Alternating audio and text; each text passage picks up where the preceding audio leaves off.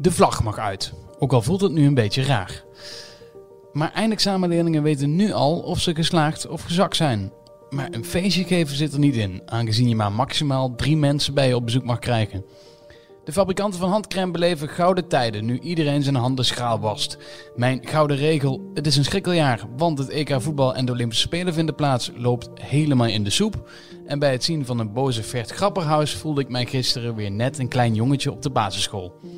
In Achter het Verhaal ga ik, Kevin Goes, dagelijks in gesprek met de makers van verhalen in onze kranten en op onze sites. Met Hanneke van Houwelingen heb ik het over een run op een bepaald soort malaria-medicijn. Met politiek verslaggever Peter Windman blik ik terug op boze ministers. En met Suzanne de Winter van de Gelderlander praat ik over hashtag coronahulp. Maar eerst, het aantal nieuwe mensen dat is overleden aan het coronavirus is nog niet zo hoog geweest als vandaag. 63 nieuwe doden werden er vanmiddag gemeld door de RIVM. Maar het RIVM zet er wel een kanttekening bij, vertelt verslaggever Hanneke van Houwelingen. Het RIVM eh, geeft zelf ook aan dat het aantal gemelde patiënten ehm, en het aantal overleden patiënten per dag kan verschillen. En dat zit hem in het feit dat ehm, ja, de overleden patiënten niet altijd op dezelfde dag gemeld worden. Dus zo kunnen die aantallen per dag een beetje schommelen. Ehm, ja, het blijft natuurlijk nog steeds verschrikkelijk veel. Uh, maar dit kan wel een van de verklaringen zijn. Ander uh, cijfer wat flink omhoog is gegaan is het aantal mensen dat een ziekenhuisopname heeft of heeft gehad. Uh, we beginnen wel langzaam bij die, die kritieke norm te komen hè, qua aantal patiënten. Ja, klopt. Um, gisteren melden we nog dat er zo'n 1230 mensen in het ziekenhuis uh, liggen. Nu zijn dat er bijna 1500. Um, we wisten gisteren dat er in elk geval al bijna 500 op de intensive care lagen. Dat, dat, dat aantal zal nu ook gestegen zijn. De exacte getallen hebben we nog niet uh, gekregen. Um, als je dan bedenkt dat we um, 1150 IC-bedden hebben in Nederland en dat daar natuurlijk ook andere mensen uh, een plekje moeten krijgen. Denk aan mensen die een ongeluk hebben gehad of die een, uh, een, een hartinfarct hebben gehad of een andere aandoening. Um, ja, die mensen die moeten ook een plek krijgen. Dus zo zijn die 1150 bedden natuurlijk al snel gevuld. En de voorzitter van de Nederlandse Vereniging voor Intensive Care zei ook dat hij verwachtte dat aan, eind van de aan, aan het eind van deze week uh, die bedden misschien al wel vol liggen. Dus daarom is het zo hard nodig dat er in het hele land zeg maar, gewerkt wordt aan een uh, ja, opschaling van die bedden ander verhaal, Hanneke, waar jij eh, mee bezig bent. Eh, dat gaat over een mogelijk medicijn dat uh, positief zou kunnen werken op, op corona, op COVID-19. Dan hebben we het over het anti-malaria-middel chloroquine. Wat heeft het nou, hoe komt het dat het met elkaar te maken heeft of dat het op elkaar werkt? Ja, chloroquine is zo'n 70 jaar geleden ontdekt als anti-malaria-medicijn. Uh, inmiddels wordt het eigenlijk niet meer gebruikt omdat, uh, omdat veel mensen resistent daartegen zijn. Dus het werkt eigenlijk niet meer.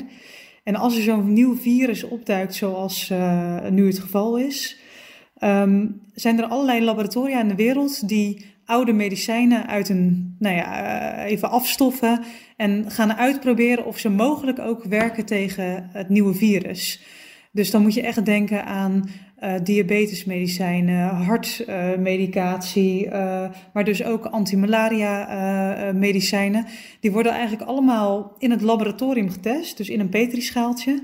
Er wordt dus gekeken, heel simpel, werkt dit medicijn, wordt het virus erdoor afgeremd of, of gaat het virus wellicht dood?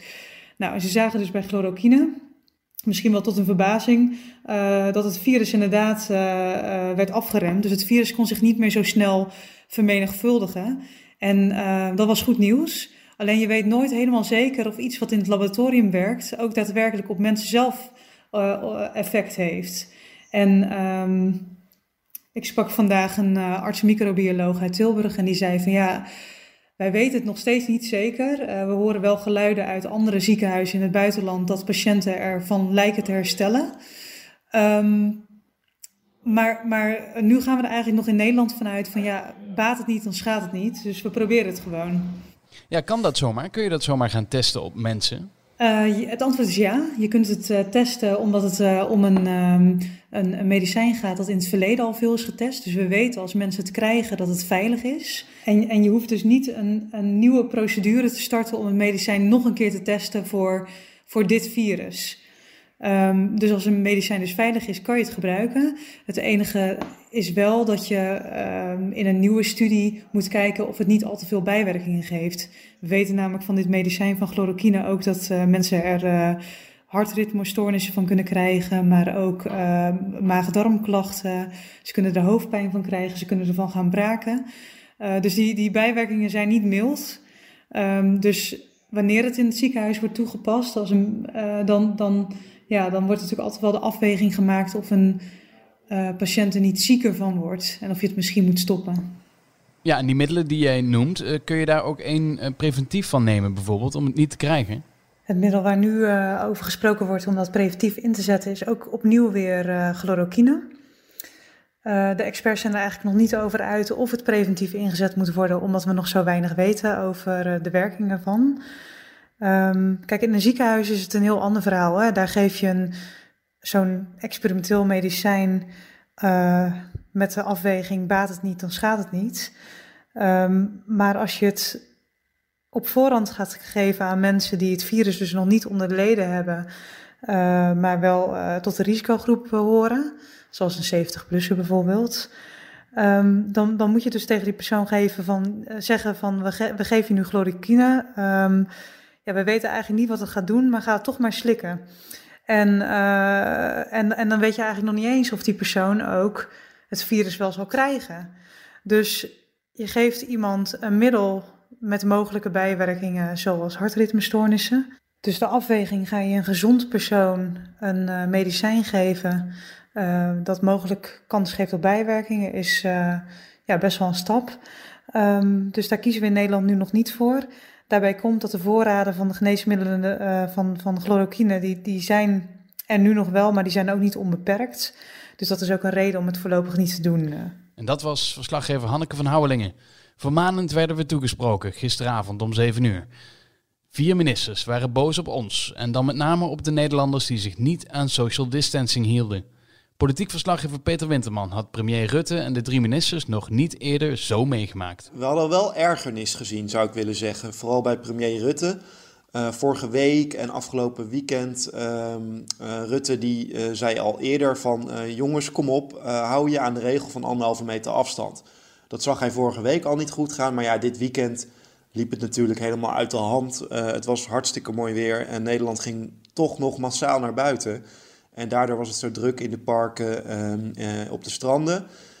op straat ook gewoon. En ja, gisteren zei Grapperhaus ook tijdens die persconferentie... het is slordig, het is laconiek en het is een asociale manier van met elkaar omgaan. Dus hij was echt boos. en dat was wel voor het eerst dat ze zo, zo boos waren, inderdaad.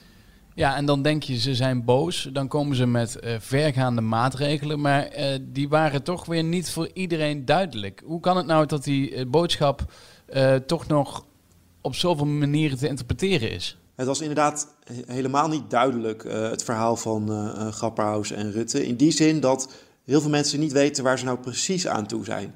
En dat komt ook wel een, voor een belangrijk deel doordat het kabinet heeft gezegd van de gemeenten en de burgemeesters die mogen zelf handhaven. Dus zij mogen zelf bepalen per gemeente of per veiligheidsregio eigenlijk, ja, waar gaan we boetes voor geven? Gaan we boetes geven als drie mensen buiten op straat lopen, dicht bij elkaar? Of gaan we pas een boete geven als je een sportklasje in het park hebt van, uh, van tien mensen die dicht bij elkaar zit? Gaan we dat beboeten? En dat betekent dus eigenlijk dat je uh, straks in verschillende plaatsen, verschillende gemeenten, verschillende veiligheidsregio's, verschillende regels gaat hebben en verschillende uh, manieren van optreden. En dat was natuurlijk lastig uit te leggen gisteravond tijdens die persconferentie voor Grapperhaus en Rutte. Maar dat is wel zeg maar de realiteit, de nieuwe realiteit. Tuurlijk, ze hebben wel algemene um, ja, regels gegeven. Tot 1 juni geen samenkomsten van meer mensen. Um, en dat is dus een regel die voor heel Nederland gaat gelden. Maar ja, je, wanneer word je beboet? Dat kan dus weer per gemeente verschillen. En dat is wel natuurlijk een beetje ingewikkeld. Wat het kabinet van gisteren gister ook niet duidelijk aangaf, is dat er nog uh, de regels voor scholen, onderwijs natuurlijk en de horeca, dat die tot 6 april blijven gelden. Dus dat zijn hè, de sluiting van scholen en horeca, die is tot 6 april. Waarschijnlijk wordt die verlengd, maar dat weten we nog niet zeker. Uh, maar het is dus niet zo dat nu alles tot 1 juni vaststaat. Dus ja, Kortom, ja, best wel veel onduidelijkheid inderdaad. Ja, waarom is er voor zo'n ja, toch wel een beetje halfbakken aanpak gekozen? Waarom is niet gewoon gezegd van dit is de regel. We komen niet meer buiten alleen maar als het mag uh, of als je naar de supermarkt moet. Waarom is hier niet gekozen voor een ja, totale uh, lockdown eigenlijk? Ja, dat is nog steeds iets wat het kabinet gewoonweg niet wil op dit moment. Het is daar nog te vroeg voor, vindt Rutte. Um, en het past ook niet helemaal bij Nederland. Het is ook een beetje een politieke reden. Maar het RIVM vindt het dus ook niet nodig. Ehm, een totale lockdown, dat je alleen bijvoorbeeld boodschappen mag doen of naar de apotheek. Uh, dat zou betekenen dat heel veel Nederlanders dus echt binnen zitten. En ja, burgemeester Halsema van Amsterdam zei daar afgelopen weekend ook wel iets over. Die vreesde dan ook echt dat dat problemen zou gaan geven. Um, mensen wonen in kleine appartementen, jongeren zitten dicht op elkaar. Dat kan ook gewoon uh, verkeerd gaan. En uh, ja, Rutte en het kabinet vinden het dus belangrijk dat er nog wel een beetje bewegingsvrijheid blijft in Nederland. Maar dan moeten we ons dus wel houden aan die regel dat je anderhalve meter afstand houdt.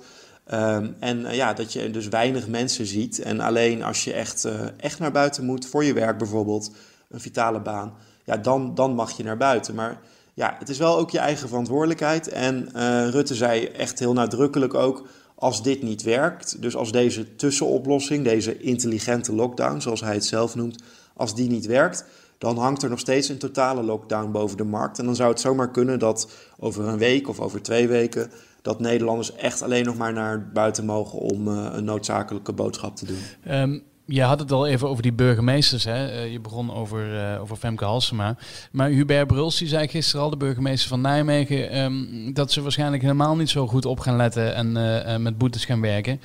hoe kan het nou ook weer dat, dat, daar ook weer zo'n groot verschil in, in mening over is? Ja, ik zou bijna zeggen, zoveel mensen, zoveel meningen. En um, het is juridisch gewoon zo geregeld dat gemeentes, die kunnen een noodverordening, zeg maar, inroepen. En daarin meteen regels, boetes opleggen, et cetera. Uh, het voor het kabinet is het een stuk lastiger om nu een wet in te voeren waarin het voor het hele land geldt.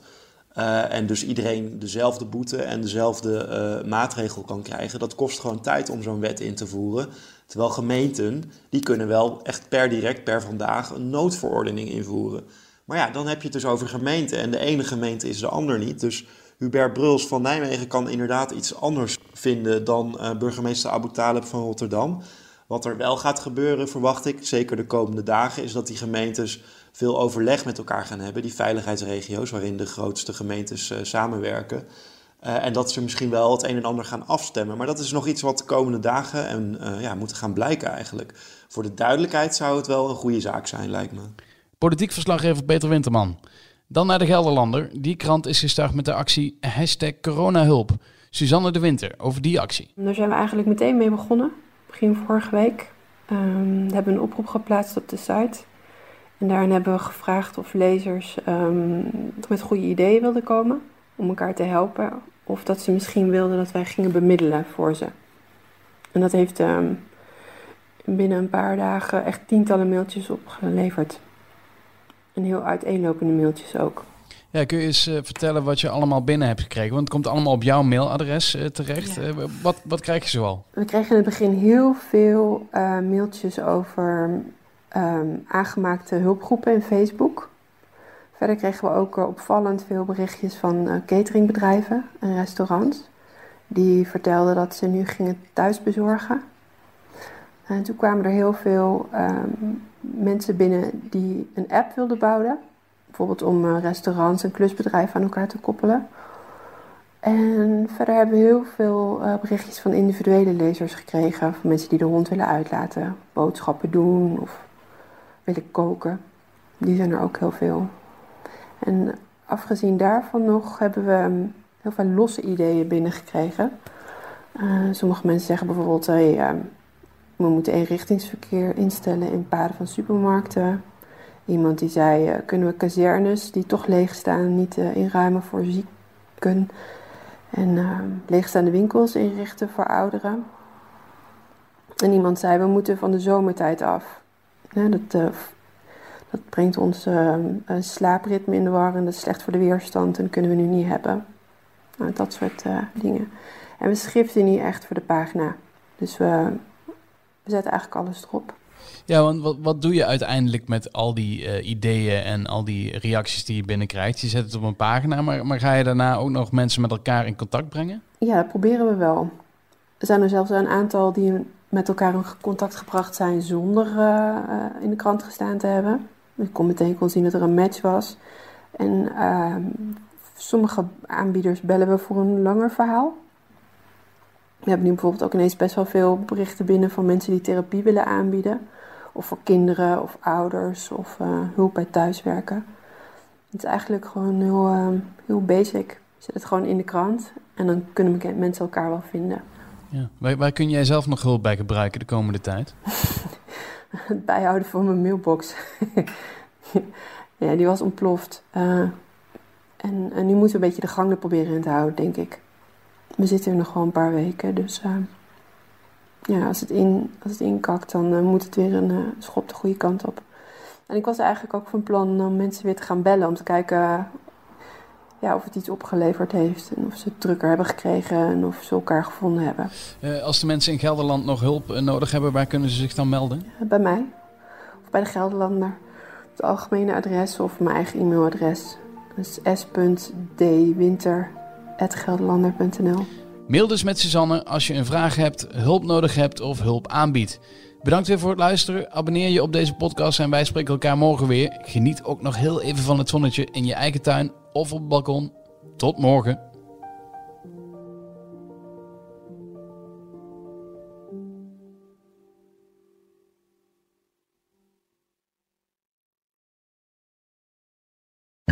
Wereldnieuws gaat ons allemaal aan. Maar als het nieuws gaat over je stadje, je buurtje of je straatje, dan voel je, dit raakt. Daarom lees je in het AD alles over het nieuws in de wereld, Nederland en jouw regio. Download nu de AD-app en mis nooit wat voor jou belangrijk is. AD, altijd dichtbij.